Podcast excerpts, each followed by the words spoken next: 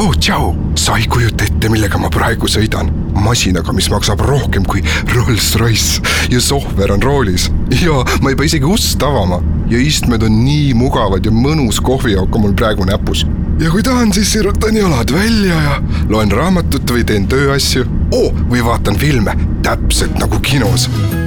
Lux Expressiga on mitu korda mugavam sõita kui oma autoga. ikkagi Eesti kvaliteetseim sõidujagamisteenus. osta bussipilet luxexpress.eu. ja muide, Lux Expressiga saad iga pool ja täistund Tallinnasse ja Tartusse. kuku raadios välja öeldud seisukohad ei pea ühtima Kuku raadio seisukohtadega. Te kuulate Kuku raadiot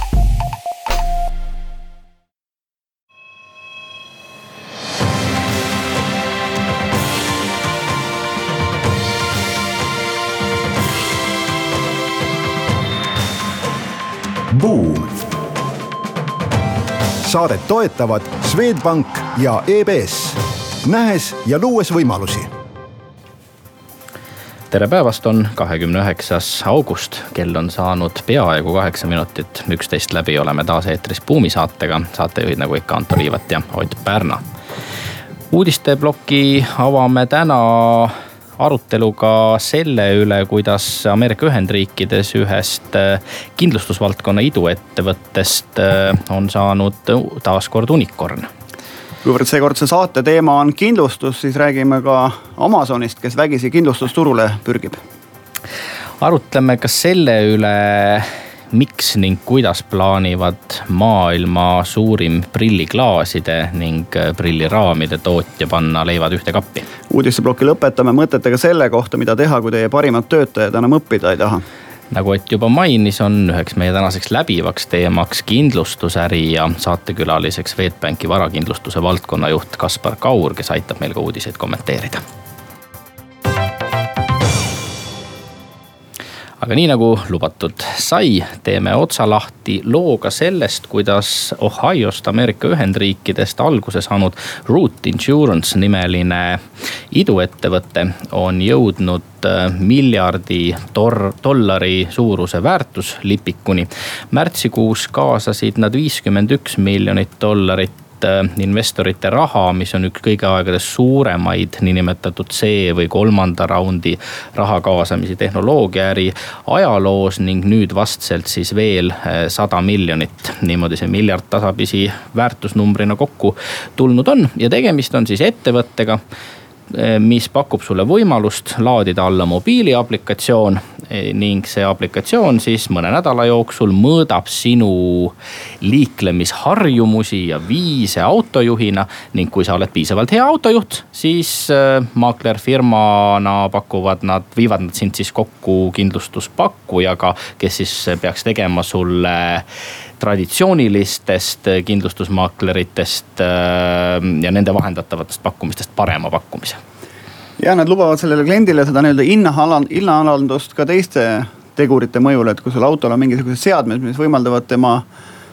kas siis isesõitmist või seda, et ta näiteks piirjooni tuvastab või, või automaatpidurid on peal või midagi muud sellist, ehk siis kaamerad ees. et ka see võimaldab siis seda kindlustuse hinda alla tuua. mis on huvitav, on see, et need kapitalistid, kes sinna raha pandi, noh, maaklerfirma ei ole ju mingi uus asi siin päikese all on ju, aga väidavad ikkagi seda, et kindlustusmaailm on arhailine. ta võiks olla kiiremas muutuste kerises, kui ta tegelikult on no see, et aktuaare saab asendada nagu arvutitega on üks pool asjast, eks, aga ka tegelikult need ärimudelid võiksid seal uueneda. ja, ja siis väidetavalt siis see konkreetne ettevõte, mis on kaks tuhat viisteist asutatud ja juba siis väärtus üks miljard, eks kolm aastat vana ettevõte on ju, kolm pool aastat, et, et, et ühesõnaga, et arvavad, et see tiim võiks olla üks nendest, kes siis nagu on pioneer selles valdkonnas. Kaspar, milliseid mõtteid seda uudist lugedes tekkis? arhailisus on nagu õige mõte jah, et kindlustusvaldkonnas, et et äh, aga, aga tulevikutrendid ja eriti just äh, startup'id ja fintech'id liiguvad äh, sinna suunas, et teha nagu kindlustust inimestele kiiremini kättesaadavaks ja. ja selline mm, kindlustuse mõte, nagu seal Ameerikas välja töötati, noh on ka Eestis praegu isegi toimiv, et laed endale äpi alla ja, ja siis, kui sa autoga sõidad, paned äpi tööle ja, ja siis, kui autoga ei sõida, siis paned äpi jälle kinni ja maksad ainult äh, kasutatud äh, päevade eest äh, autokindlustust. aga jah, seda veel ei ole Eestis nagu välja töötatud, et, et oleks ühildatud autoga, et mõõdab, kui hästi sa autoga sõidad või kas sa kasutad seal lisavidinaid või mitte, et, et kindlasti Eestil võiks olla siin sellest õppida ja, ja kliendid ka ootavad kindlustusandjatelt ikkagi rohkem kaitset ja, ja odavamat äh, hinda no tegelikult äh, on see kõik seotud servapidi meie hilisemate jututeemadega kindlustusäri olevikust ja tulevikust, aga mm, selge on, et tehnoloogiaettevõtted üha enam ka kindlustusturule trügivad. Amazon peab Euroopas äh, läbirääkimisi suuremate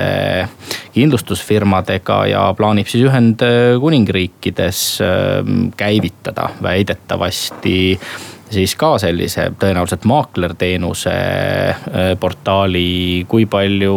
sa, Kaspar, äh, oma igapäevategemistes tajud seda, et Facebook, Apple, Amazon, teised nagu tahavad ära võtta mingi tüki sellest pirukast, äh, mida, mille kallal täna näiteks pangad maiustavad? No Eestis ma tegelikult ikka ette üldse ei kujutaks, kus ma ei tea, kaup kahekümne neljas äh, hakatakse müüma elukindlustust, et, et elukindlustus on ikkagi selline valdkond, mis vajab põhjalikku näost näkku või vähemalt siis üle telefoni teel äh, nõustamist, aga, aga Euroopas ja, ja, ja eriti Ameerikas on elukindlustus äh, ikkagi top üks toode ja inimesed ostavad hea meelega endale elukindlustust ja, ja noh, kujutan täiesti ette, et kui äh, sul on oled valimas endale sealt Amazonist uut jalgratast välja või, või mäesuusavarustust, et siis seal kõrval on äh, kohe äh, ka elukindlustuse bänner üleval ja pakub, et, et kas sul on elukindlustus sõlmitud. no täna pakub Amazon, äh, Amazon Protecti kaudu äh, jah, nendele samadele kodumasinatele, elektroonikavidinatele ju ka tegelikult kindlustust, ainult et, et, et jah, mitte nüüd küll elukindlustusena. samamoodi ta pakub nagu võrdlust, tootevõrdlusi, et tegelikult on olemas nii, nii tööriistad kui ka kliendibaas, et tulla teenusega turule, et Amazoni küsimus on täna samamoodi nagu Apple'il ja paljudel teistel on küsimus, et kuidas seda oma tohutut kliendibaasi ja ressurssi kasutada ära, et uutele turgudele minna. et sealjuures mitte siis klienti segadusse ajada, mis on see põhiäri. ja samas minna turgudele, mille mahud on suured ja kindlustus on noh finantsvahenduse kõrval üks väga suur ja kallis valdkond, ühiskond vananeb, eks riigid, äh, riiklikud sotsiaalkindlustussüsteemid ei jõua neid inimesi nagu ütleme seda üha kallinevat haiglaravi kinni maksta. ja, ja siis selge on see, et erakindlustus hakkab üha enam domineerima ja need suured ka sinna turule minna tahavad. aga mis siis äh, järgmisena, Airbnb reisikindlustus? miks mitte jah igal juhul eh, sellest, kuidas tehnoloogiaettevõtted eh, kindlustusturule liiguvad ja millised trendid seda veel mõjutavad, eh, räägime tõesti pikemalt intervjuu plokkides, aga vahepeal kuulame ära kaubanduslikud teadaanded.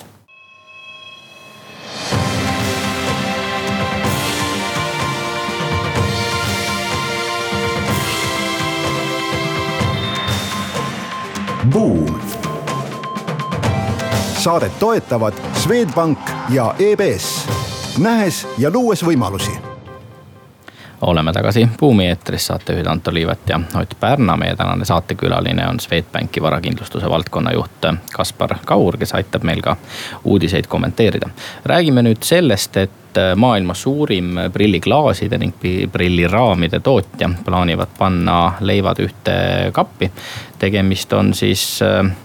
vastavalt ettevõtetega Essilor, kes valitseb umbes neljakümmend viit protsenti prilliklaasiturust maailmas ja Luxottica, kellele kuulub siis kakskümmend viis protsenti prilliraamide globaalsest äh, turust. arvatakse ja hinnatakse, et ähm, prilliäri turumaht võiks maailmas olla umbes sada miljardit äh, dollarit, noh umbes sama suur kui näiteks taksoteenuste Eh, turu eh, mahte. ja nõudlus iseenesest aina kasvab, sest võrreldes eelmise põlvkonnaga on näiteks lühinägelikkus noorte hulgas kahekordistunud, eriti suureks peetakse seda probleemi Aasia riikides. ja noh, lisaks sellele arvatakse, et maailmas on suurusjärgus kaks pool miljardit inimest, ennekõike siis Indias, Aafrikas, Hiinas, kes prille vajaksid, aga peamiselt siis majanduslikel põhjustel ei ole saanud neid endale lubada või tegelikult ei ole noh, nagu osanud ka nende järgi küsida kui te nende hiidude ühinemise lugu lugesite, mis on kindlasti pikk ja põnev ja, ja paljude nüanssidega ja kindlasti soovitame kuulajatel põhjalikumalt uurida, siis mis mõtteid teil ennekõike tekkis? nojah, prilliäri on seitsesada aastat vana või kui inimesed hakkasid prille kandma, et, et täna siis kahel ettevõttel kokku üks koma neli miljardit klienti, mis on mingisugune.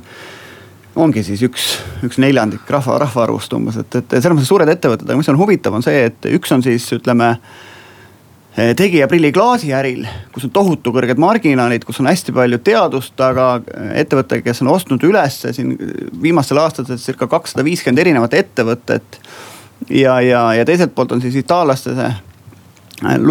Luxoticala, äh, kelle, kelle omandis on rida äh, prilli jaebrände. kui me räägime näiteks lähete lennujaama, on Sunglass Hut või kõik sellised on tegelikult. no Ray-Ban kasvõi jah, nelikümmend protsenti nende kasumist. siin kaks vahe, üks pool on need ketid, mille läbi müüakse prille ja teine asi siis need prillibrändid. et Oakley'd näiteks nad omavad ise samas terve rida Prada, kõik sellised luksusbrändid, nendele brändidele nad tegelikult toodavad prille ja ise ka müüvad siis oma kauplustest. aga need brändid jätkuvalt tood-, kuuluvad tegelikult siis nendele nendele ettevõtetele, ehk siis, et seal on noh, päris huvitav kontseptsioon seal taga, kuidas seda nagu äri, äri siis nagu aetakse, eks, aga, aga see, et nüüd kaks osapoolt siis äh, pillid ühte kappi panevad ja see, et nad on tegelikult ju konkurentsiametilt nii-öelda loa saanud selle, selle tegemiseks, see on nagu päris huvitav. Ja, ja selge on see ka, et, et tegelikult vähemasti, mis puudutab seda prillklaasi tootja poolt, siis noh, selgelt on tegemist monopolistidega maailmas ja noh, nad ostavadki nii ära konkurente, laboreid, toetavad ülikoole no ütleme nimesid nimetamata meenutab, meenuvad siin mõned ravimifirmad ka Eesti Vabariigis. no tegelikult äh, tehniliselt ju ikkagi nii, Euroopa Komisjon kui Ühendriikide ja ka Hiina regulaatorid on öelnud, et äh, ei ole tegemist äh, monopoliga, sest see klaasiäri ja raamiäri justkui on erinevad asjad, kuigi tervemõistuslikult ei kujuta hästi ette tõesti, et ühte ilma teiseta kasutada saaks. No ja, aga äris kehtibki reegel, et äh, hoia sõbrad lähedal, aga konkurendid hoia veelgi lähemal, et äh, kuigi jah, otseselt nad võib-olla konkurendid ei ole, ühed tegelevad äh, raamidega, teised klaasidega, siis, siis kahe sellise suure hiiu ühinemine, väga mõistlik otsus ja eks nad ise nägid ka, et kui nad veel nagu leivad ühte kappi panevad, et siis nende see jõud on veelgi suurem no initsiaatoriks oli ikkagi äh, Luxotica boss Leonardo del Vecchio, täna kaheksakümne ühe aastane äh, vanahärra. kes siis on juba üheksakümne neljandast aastast olnud Itaalia kõige suurem maksumaksja eraisikuna ja, ja, ja siis ka üks kahest Itaalia kõige rikkamast ähm, inimesest. vanahärra tundis, et äh, aeg on käes ja tema kuuest äh, järeltulijast keegi tõenäoliselt tüüri üle ei võta. ja kuivõrd tegemist on olnud ka selline, sellise impeeriumi äh, stiilis juhitud ettevõttega, siis, siis ka ühinemisläbirääkimised Essiloriga algatas, nii et ka sellistel väga suurtel arengutel on tegelikult hästi inimlikud põhjuslikud ja, ja kuidagi maised äh, põhjused. lisaks sellele, see tundub äriliselt mõistlik. ma kontrollisin üle, et, et jah, nad omavad siis brändidena, kui me räägime prillibrändidest, Ray-Bani ja Oakley't. Ühte väikest brändi veel ja, ja nad toodavad siis luksusbrändide mõttes Chanel'ile, Pradale, Giorgio Armanile, Burberry'le, Versace'le, Dolce Gabbanale, Miu Miule ja nii edasi. ehk siis, et aga mis on huvitav, on see, et kui te lähete mingisse päikseprillipoodi, te vaatate, et on tohutult tootjaid, prille, värke on ju, tegelikult üks ja sama kooperatiiv itaallased toodavad lihtsalt nad nii-öelda kasutavad siis põhimõtteliselt litsentsidena või, või muul viisil omandatud õigusi siis nende erinevate brändide all neid prille teha. ehk siis üks ja sama, võib-olla ka ühed samad tehased teevad neid prille, mida te vaatate, et kui ostaks Armani või ostaks Prada, eks tegelikult üks sama värk Eh, tõepoolest, igal juhul eh, jah, üks siis Itaalia juurtega eh, ettevõte, teine Prantsuse juurtega. samal ajal kultuurilt hästi erinevad, et kui tundub, et äriliselt klaasid ja raamid kokku panna on pea iseenesestmõistetav liigutus, nagu sa ka Kaspar ütlesid, siis ettevõtted äärmiselt erinevad. Prantsuse ettevõte mm, Essilor on ju selline, kus üle poole äh, osakutest äh, või aktsiatest kuulub siis äh, töötajatele, noh samal ajal kui juba jah mainitud Luxotica pigem impeeriumi stiilis ühe mehe initsiatiivil loodud ja arendatud ettevõte. ja kokku sada nelikümmend tuhat töötajat. jah, muljetavaldav, aga liigume siit ähm, edasi ähm, ja räägime sellest, mida teha, kui ähm, tublid ning tulemuslikud äh, töötajad paistavad olevat jõudnud oma ehm, õppimiskõveraga sinnamaale, et eh, enam midagi eriti juurde õppida või areneda ei soovi. Whitney Johnson arutleb neil teemadel Harvard Business eh, Review's. Ehm, ma küsin, Kaspar, kohe sinu käest, et juhina oled sa kunagi mõnele oma meeskonna tublile, häid tulemusi saavutavale liikmele öelnud, et kuule, sul on aeg edasi liikuda jah, jah, olen küll, et ma lugesin ka seda artiklit ja, ja siis tulid kohe meelde nagu need inimesed äh,. kellele ma olen ka öelnud, et, et on õige otsus nagu edasi liikuda, et, et sinul on ambitsiooni äh, rohkemaks ja, ja sellel positsioonil nagu ei saa ma sulle seda, seda pakkuda, nii et äh, igati toetan, et et kuigi juhina ma saan aru, et uue inimese väljaõpetamine ja, ja noh ka eelkõige otsimine, eriti tänases maailmas leida äh, head töötajat ja siis ta väljaõpetamine, et see võtab ikkagi vähemalt pool aastat kuni aasta aega ja ka enne seda nagu saata inimene ära, et aga, aga see on mõistlik samm, sest et see kindlasti tuleb äh, mingisuguse ringiga kunagi ka tagasi no siin, siin nad räägivad tegelikult inimestest, kes on jõudnud siis oma learning curve'i nagu sinna ülemisse punkti, et nad ei ole võimelised enam kõrgemalt lendama, et nad võrdlevad neid nagu siis heeliumit täis õhupallidega, mis siis põrkavad vastu lage, aga nagu ülespoole ei lähe. et mida siis selliste inimestega teha, et nad ei, ühelt poolt ei muutuks destruktiivseks ettevõttes, hakkama pidurdama innovatsiooni ja kõike seda ja, ja samamoodi, et noh, nad ise optimismi uuesti üles leiaksid ja noh, siin ongi põhimõtteliselt kaks väljundit, et kas siis anda neile täiesti uus mingisugune väljakutse lahendada. või siis viiagi nad üle nagu täiesti teise valdkonda, ehk siis, et las ta siis hakkab oma seda learning curve'i teises valdkonnas ehitama. ja siis tal on endal noh, jällegi uut avastamist ja, ja motivatsiooni just, et ei pea alati horisontaalis tõusma, vaid võib ka nagu vertikaalis areneda, et, et üks inimene, kes on võib-olla tegelenud äh, siin äh, laenude valdkonna juhtimisega võib vabalt äh, tegeleda ka restorani juhtimisega, et äh, juhtimine on juhtimine, lihtsalt sa pead omama neid inimesi, kes, kes teavad sellest ärist natuke rohkem. No ma kujutan ette, et nii mõnigi saatekuulaja, liiatigi ettevõtja, tööandja võib olla meie peale praegu päris pahane olukorras, kus keskmine töötuse määr Eestis on viis protsenti, Harjumaal, Tartu Tartus veel äh, väiksem ja nüüd soovitada niimoodi endale jalga lasta, loobuda heast äh, töötajast lihtsalt sellepärast, et ta võib-olla ülehomme ei ole enam nii hea. Äh, tundub ikkagi suhteliselt rumal tegu, et, et, et kuidas sellest valust üle saada ja, ja kuidas tegelikult aru saada, et töötaja parim enne sellel ametikohal või seda tööd tehes hakkab mööda saama eks see ongi läbi erinevate vestluste, et äh, ma ei tea, milline see üldine ettevõtete kultuur tänapäeval on, aga, aga suuremates ettevõtetes ikkagi harrastatakse väga tihti sellist äh, juhiga aastavestlust või, või isegi kvartaalseid vestlusi, mitte ainult töötulemuste näitel, vaid ka isiklikus arengus ja, ja läbi nende vestluste ikkagi saad juba aru, et kas inimene Äh, on motiveeritud äh, või, või mitte. Ja, ja, ja sealt saab juba tegelikult teha ju ennetavaid äh, otsuseid, et, et ma ei pea kohe homme töötajast loobuma ja hakkama uut otsima, vaid ma võin ju alustada protsessiga kolm kuud äh, varem ja ilmselt on küsimus ka see, et kas tegemist on siis noh võtme, võtmetöötajatega, kas me räägime co-founder'ist või kellestki, kelle noh, kelle käekiri on läbi sinu infosüsteemi, sinu infosüsteemi läinud, et sa pead tervet süsteemi hakkama välja vahetama, kus inimene peaks minema. aga teine pool asjast on see, et kui sul on, noh ongi see LinkedIn'i näide, kus ongi see nii-öelda alumni seltskond, mingi kolm tuhat inimest on ju, kes siis vahepeal töötavad ettevõttes siis, kui on teemat ja siis jälle vahepeal ei tööta, et see on nagu selline dünaamiline on see inimese ettevõttes olek või mitteolek. kuulame nüüd ära kaubanduslikud teadaanded ja päevauudised ning seejärel jätkame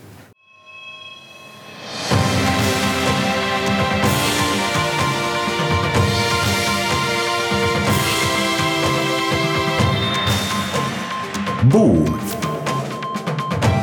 saadet toetavad Swedbank ja EBS, nähes ja luues võimalusi oleme tagasi Buumi eetris, saatejuht Anto Liivet ja Ott Pärna. meie tänane saatekülaline on Swedbanki varakindlustuse valdkonna juht Kaspar Kaur. ning räägime kindlustusäri olevikust ja tulevikust, äh, täpsemalt pisut äh, reisikindlustusest ähm, ka. kui me siin eelmise ploki lõpetasime aruteluga äh, selle üle, kuidas aidata ja luua sellised tingimused ettevõttes, et inimesed ähm, elukestvalt õpiksid ning uusi teadmisi, oskusi omandaksid, siis noh, üks võimalus on luua õppimist toetav organisatsioonikultuur, kus näiteks igal aastal kõik Äh, teevad äh, kümme, viisteist protsenti asjadest äh, teistmoodi või teevad midagigi teistmoodi kui eelmisel aastal. Ja ka see iseenesest hoiab nii-öelda vormis ja, ja, ja sunnib ennast ise asetama teinekord mugavustsoonist väljapoole, aga, aga see surve tuleb tegelikult paljudes ärivaldkondades, sealhulgas kindlustuses ka väljapoolt traditsioonilist kindlustussektorit Äh, jõudsimegi põgusalt saate alguses rääkida sellest, kuidas tehnoloogiaettevõtted sisenevad kindlustusärisse. Äh, kui palju sina, Kaspar, tunned vajadust äh, kindlustusäri globaalseid arenguid, trende silmas pidades teha midagi teistmoodi, kui seni tehtud on? no see vajadus ikkagi iga päevaga suureneb, sest et ähm, kui me räägime nendest traditsioonilistest kindlustusettevõtetest, kes on turul aastaid ja aastaid olnud, siis neil äh, midagi ümber muuta või seda suurt laeva keerama panna on oluliselt raskem kui nüüd äh, just turule naasnud startup idel või fintech idel. kes äh, hakkavad ehitama oma süsteemi üles nullist ja, ja neil on nagu oluliselt lihtsam jõuda klientideni ja, ja selle hulgani, et, et jah Äh, see sunnib mugavustsoonist äh, välja tulla, tulema ja, ja muutma, aga aga kahjuks äh, ajalugu on meiega kaasas ja, ja see muutmine ei saa toimuda üle, üleöö. kui suur äri on kindlustusäri, me siin rääkisime, et Prilli äri turumahuks arvatakse olevat sada miljardit dollarit konkreetsetest numbritest nüüd ei oska välja tuua, aga, aga noh, see on äh, suur äh, business, nii et, äh, et muidu ei tuleks arvukalt ettevõtteid sinna ja nii nagu ka me ennist rääkisime uudisteplokis Amazonist, et, et kõik tahavad ikkagi sellest tükki saada ja ja, ja marginaalid on ka ikkagi head seal. kes seda pirukat täna jagavad, pangad, maaklerettevõtted, Äh, traditsioonilised kindlustushiiud, nüüd tehnoloogiaettevõtted, keegi veel?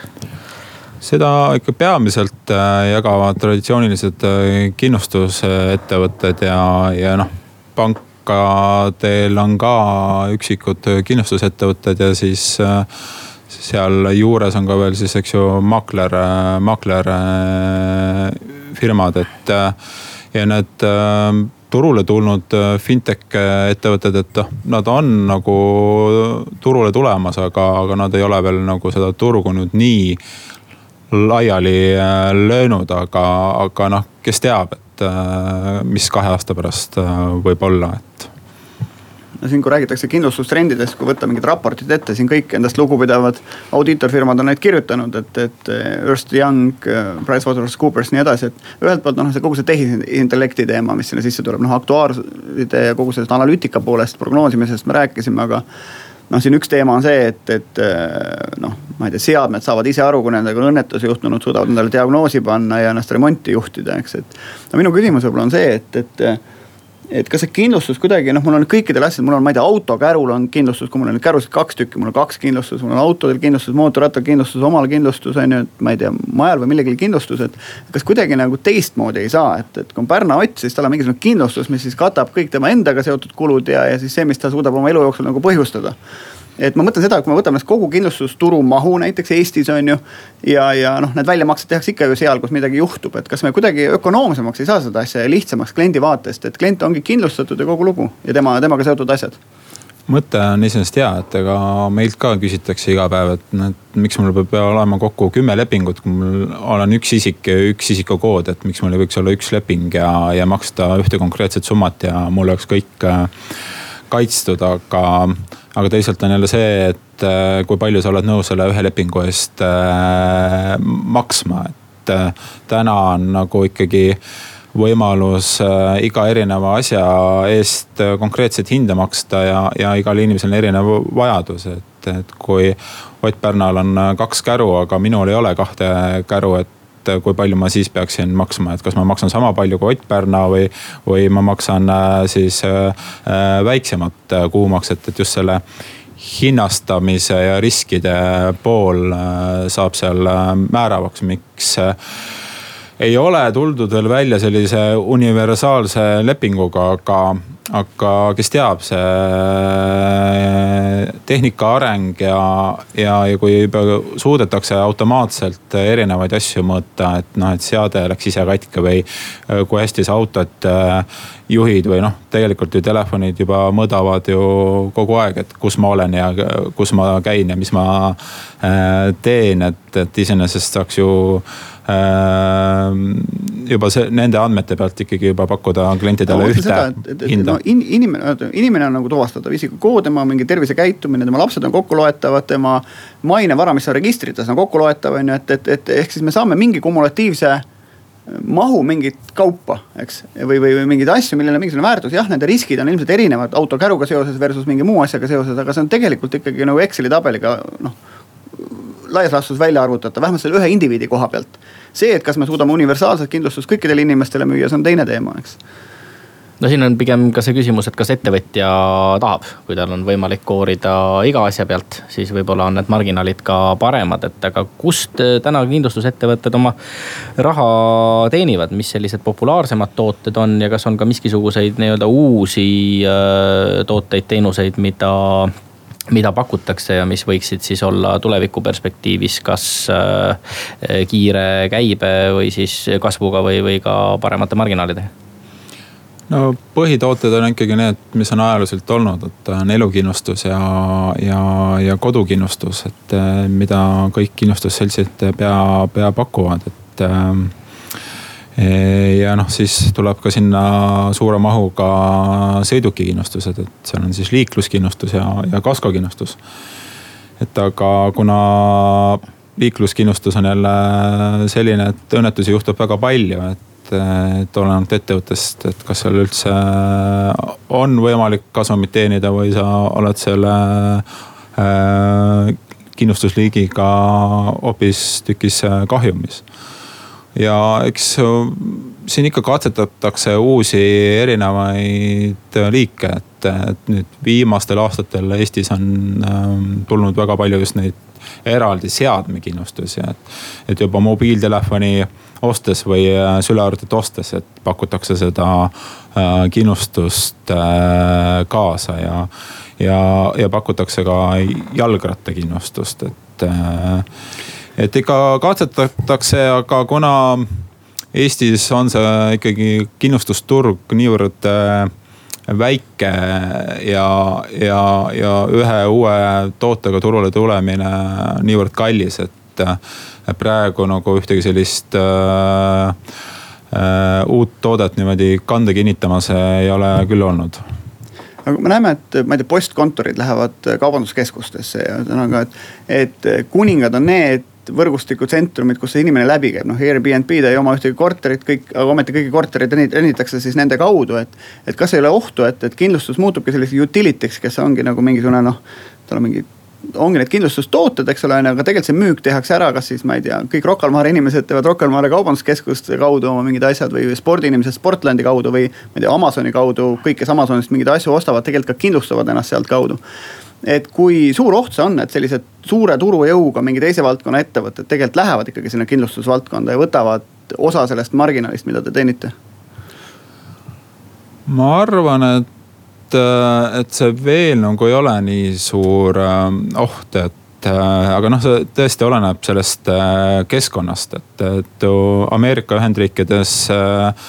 ongi võib-olla loomulik osta kõiki asju mm, ühest keskkonnast, eks ju, aga, aga Eesti inimene veel ei ole valmis ostma äh, kindlustustoodet kuskil äh,, ma ei tea, kaubanduskeskuse poest, eks ju, et et, et, et võtan sealt selle riiulitoote pealt ja saangi selle sealt kätte, et. aga mis puudutab nagu liikumist kindlustuse lepingute nõustamist, liikumist, siis see on jah, väga palju muutumas, et ikkagi väga palju esindusi pannakse füüsiliselt kinni ja, ja rohkem ikkagi tahetakse sõlmida lepinguid äh, internetipangas, et noh, internetipank on tegelikult juba nagu eelmine sajand, et, et nüüd on juba liikumas asi äh, mobiiltelefoni ja äppidesse. kuulame nüüd ära reklaamipausi ning seejärel jätkame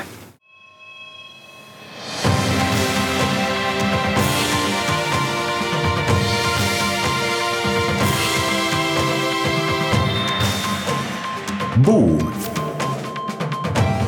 saadet toetavad Swedbank ja EBS, nähes ja luues võimalusi oleme tagasi Buumi eetris, saatejuhid Anto Liivet ja Ott Pärna. meie tänane külaline on Swedbanki varakindlustuse valdkonnajuht Kaspar Kaur ning kindlustuse teemadel eh, jätkame. kui eh, vaadata Eesti kindlustusturgu, siis eh, kes on suuremad tegijad ja, ja kuidas see turg nende vahel jaotub? No suurimad äh, tegijad kindlustusturul on äh, meil täna If kindlustusselts, meie, Swedbank varakindlustus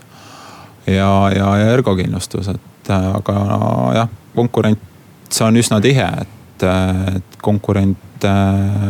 on päris palju maaklerettevõtted on ju tegelikult või keskkonnad teinud äh, üsna palju selleks, et äh, konkurents äh, tihedamaks muutuks. kui suur hulk klientidest pöörduvad otse kindlustuspakkuja juurde ja, ja kui suur hulk päringuid tuleb läbi maaklerite või nende vahendusel? Ma nüüd osakaalusid täpselt ei oska välja tuua, aga aga see oleneb täiesti äh, ettevõttest, et, et kas ettevõttel endal, kindlustusettevõttel endal on võimalus äh, kui mugavalt tal on võimalus seda lepingut äh, sõlmida on, et kas ta ongi orienteeritud läbi maakleri sõlmida lepingu või siis ise pakkuda. Näiteks Swedbank varakindlustust maaklerkanalist üldse ei leiagi, et meie olemegi orienteeritud läbi oma nõustamiskanalite äh, lepinguid äh, sõlmima esimene september on tulemas, et, et äh, soovitate noortel siin kindlustus- ja finantsmatemaatikat õppima minna näiteks Tartu Ülikooli või kuhugile? kindlasti, et, et see teadmiste pagas, mis läbi selle, nende ainete sealt võiks saada, et et see ei tähenda, et sa pead minema kuskile tahatuppa kuivaks aktuaariks, aga, aga, aga sealt pealt on võimalus minna kasvõi oma startup'e ehitada ja, ja, ja teenida ka oma esimene miljard, eks ju no esimene september tõesti on õige pea käes, paljud perekonnad äh, saabuvad tagasi koju veel äh, viimastelt äh, sügisestelt suvepuhkustelt. ütle, Kaspar, kas mu kõhutunne vetab palju, kui ma väidan, et meie saatekuulajatest olulisel hulgal tegelikult on reisikindlustus kuidagimoodi juba seotud krediitkaardi lahendusega või, või, või sealtkaudu võetud usun äh, küll, et, et see aina populaarsemaks äh, muutub ja, ja inimesed otsivad ka aina mugavamaid ja soodsamaid äh, lahendusi reisikindlustuse sõlmimiseks, et ja eriti kui veel minnakse perega, et, et enamus krediitkaarte, mida täna pangad välja annavad, ei paku siis reisikindlustust ainult siis sellele kaardi valdajale, vaid, vaid seal on kindlustatud ka kogu pere ja ja, ja, ja kui ongi mitmeliikmeline perekond, et siis üks kaart ja üks kulu on oluliselt soodsam kui ähm, võtta eraldi äh, reisikindlustus äh, eraldi pereliikmetele. aga kui nüüd Ott äh, läheb jälle talvel mäesuuskadega hüppama ja ennast lõhkuma, siis temale vist seda tüüpi kindlustuskaitse ei laiene? see kõik oleneb jah kindlustustingimustest, et, et et alati soovitan kindlustusandjaga nõu pidada, kui minnakse nagu eris kummalist, kummalisele reisile, et või ei ole selline tavapärane linnaekskursiooni reis, et kas see reisikindlustus nüüd katab ka mäelt äh, kukkumise kulud või, või mitte, aga üldjuhul äh, mäesuusatamist, mäel lauatamist peab võtma lisariski, et siis kui midagi juhtub siis tuleb helikopter kohale ja, ja viib kiiresti haiglasse ja saab ka kõik ravikulud kaetud. sellised on jah tavalised kindlustused, et on spordikindlustus, on ekstreemspordikindlustus ja nad katavad näiteks juhul, kui sa. mis puudutab mäesuuska, et senikaua kui sa, kui sa oled nagu maha märgitud raja peal, nad katavad, kui sa peaks rajalt välja minema, seal kukkuma, siis ei kata, et ehk siis, kui sa sõidad kuhugi kivi otsa väljapoole rada, siis noh, et kui vähegi saad rooma nagu raja peale, et, et siis saad nagu kaetud, eks. aga ma küsin siit edasi, et Anto rääkis, et siin suvi saab läbi, inimesed tulevad koju, et aga räägi, mille vastu kõik inimesed kindlustavad, et kui ma näiteks ikka kuiv suvi ja ma ei ole nagu ühtegi seent saanud, et, et kas nagu saab kuidagi kindlustada või, või. ma tean, lauljad kindlustavad häält näiteks või? lauljad kindlustavad häält ja noh, mis on äh, kindlustuse olemus, et äh, kindlustuse olemus on see, et äh, see tõenäosus, et kui midagi äh, juhtub või ei juhtu, eks ju, et äh, kui juhtub, et siis äh, hüvitatakse see kahju, et mida ebatõenäolisem, et see asi võiks kunagi juhtuda, noh siis tõenäoliselt on võimalik seda kindlustada, kui see tõenäosus on üsna suur, et selline asi võib juhtuda, siis seda keegi väga kindlustada ei taha või siis kindlustusmakse võib väga suur olla, et noh ilmast kuna me teame, et ilmastik on äh, selline vingerpussi mängib, siis üsna kindlalt ükski kindlustusselts ei, ei tahaks tahaks äh, võtta seda riski enda kanda, et nüüd kindlustada äh, halva, halva seenesaagi äh, vastu aga kui nüüd korra veel mõelda siin reisi ja, ja sellega seonduva tervisekindlustuse võtmes, siis noh, kõigist välisreisidest oskad sa öelda, kui äh, suur hulk inimesi sellist kindlustuskaitset omab? no ma loodan, et et, et ikkagi äh, enamus, et ja, ja, ja mu tänane tunne ka ütleb, et äh, kui meie klientidega rääkida, et siis kui ikkagi väljapoole Euroopat minna, et siis ikkagi üheksakümmend üheksa protsenti ikkagi sõlmitakse reisikindlustus äh, ära, aga aga kindlasti see protsent on väiksem, kui minnakse Euroopasse ja, ja eriti väike on see protsent siis, kui minnakse lähiriikidesse, on see Läti, Leedu, Soome, Rootsi. samas hoomamata seda, et et äh, seal enam ei kehti meie haigekassa, eks ju, või, või seal on ka kaasas minu isiklikud äh, esemed või sellega on seotud ka minu reisikulud, et kui ma peaksin enne reisi haigeks jääma, et ähm, kes siis mulle need lennupiletid ähm, kinni maksab, et äh, et igal juhul äh, soovitan alati sõlmida reisikindlustus, äh, kui minnakse Eesti territooriumilt väljapoole, et olgu kasvõi siis Läti või, või, või Rootsi, et äh, et kulud on seal erinevad ja, ja tasub, tasub see kindlustus sõlmida. siiski, ma vaatan, mida inimesed on kindlustanud. Bruce Springsteen on kindlustanud ära hääle. American Ferrara on naeratuse kindlustanud. Keith Richards on kindlustanud ära sõrme David Beckham üle keha on ära kindlustanud ennast siin üks mees, kes oli ära kindlustatud oma kõõrtsilmad. et, et noh, tegelikult ikkagi põhimõtteliselt on igal, igal asjal on hind seal kindlustamisel. lihtsalt küsimus on, kas see on ratsionaalne maksta või mitte. kas Eestis selliseid noh, nii-öelda veidraid kindlustusi ette üldse tuleb või pigem mitte? no meil on äh, soovitud äh, kindlustada kodus väga selliseid unikaalsemaid esemeid ja kallihinnalisi esemeid, et Äh, ja noh, võimalustel oleme ka sinna vastu tulnud, aga,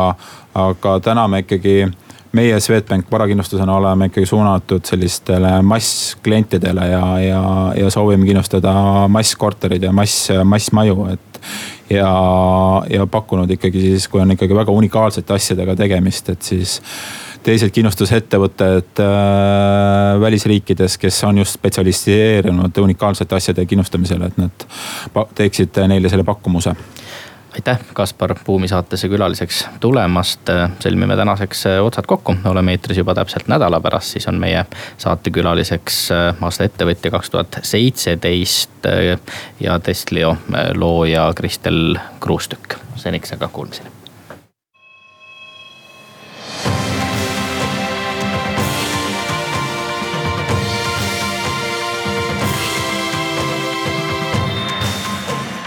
Buum.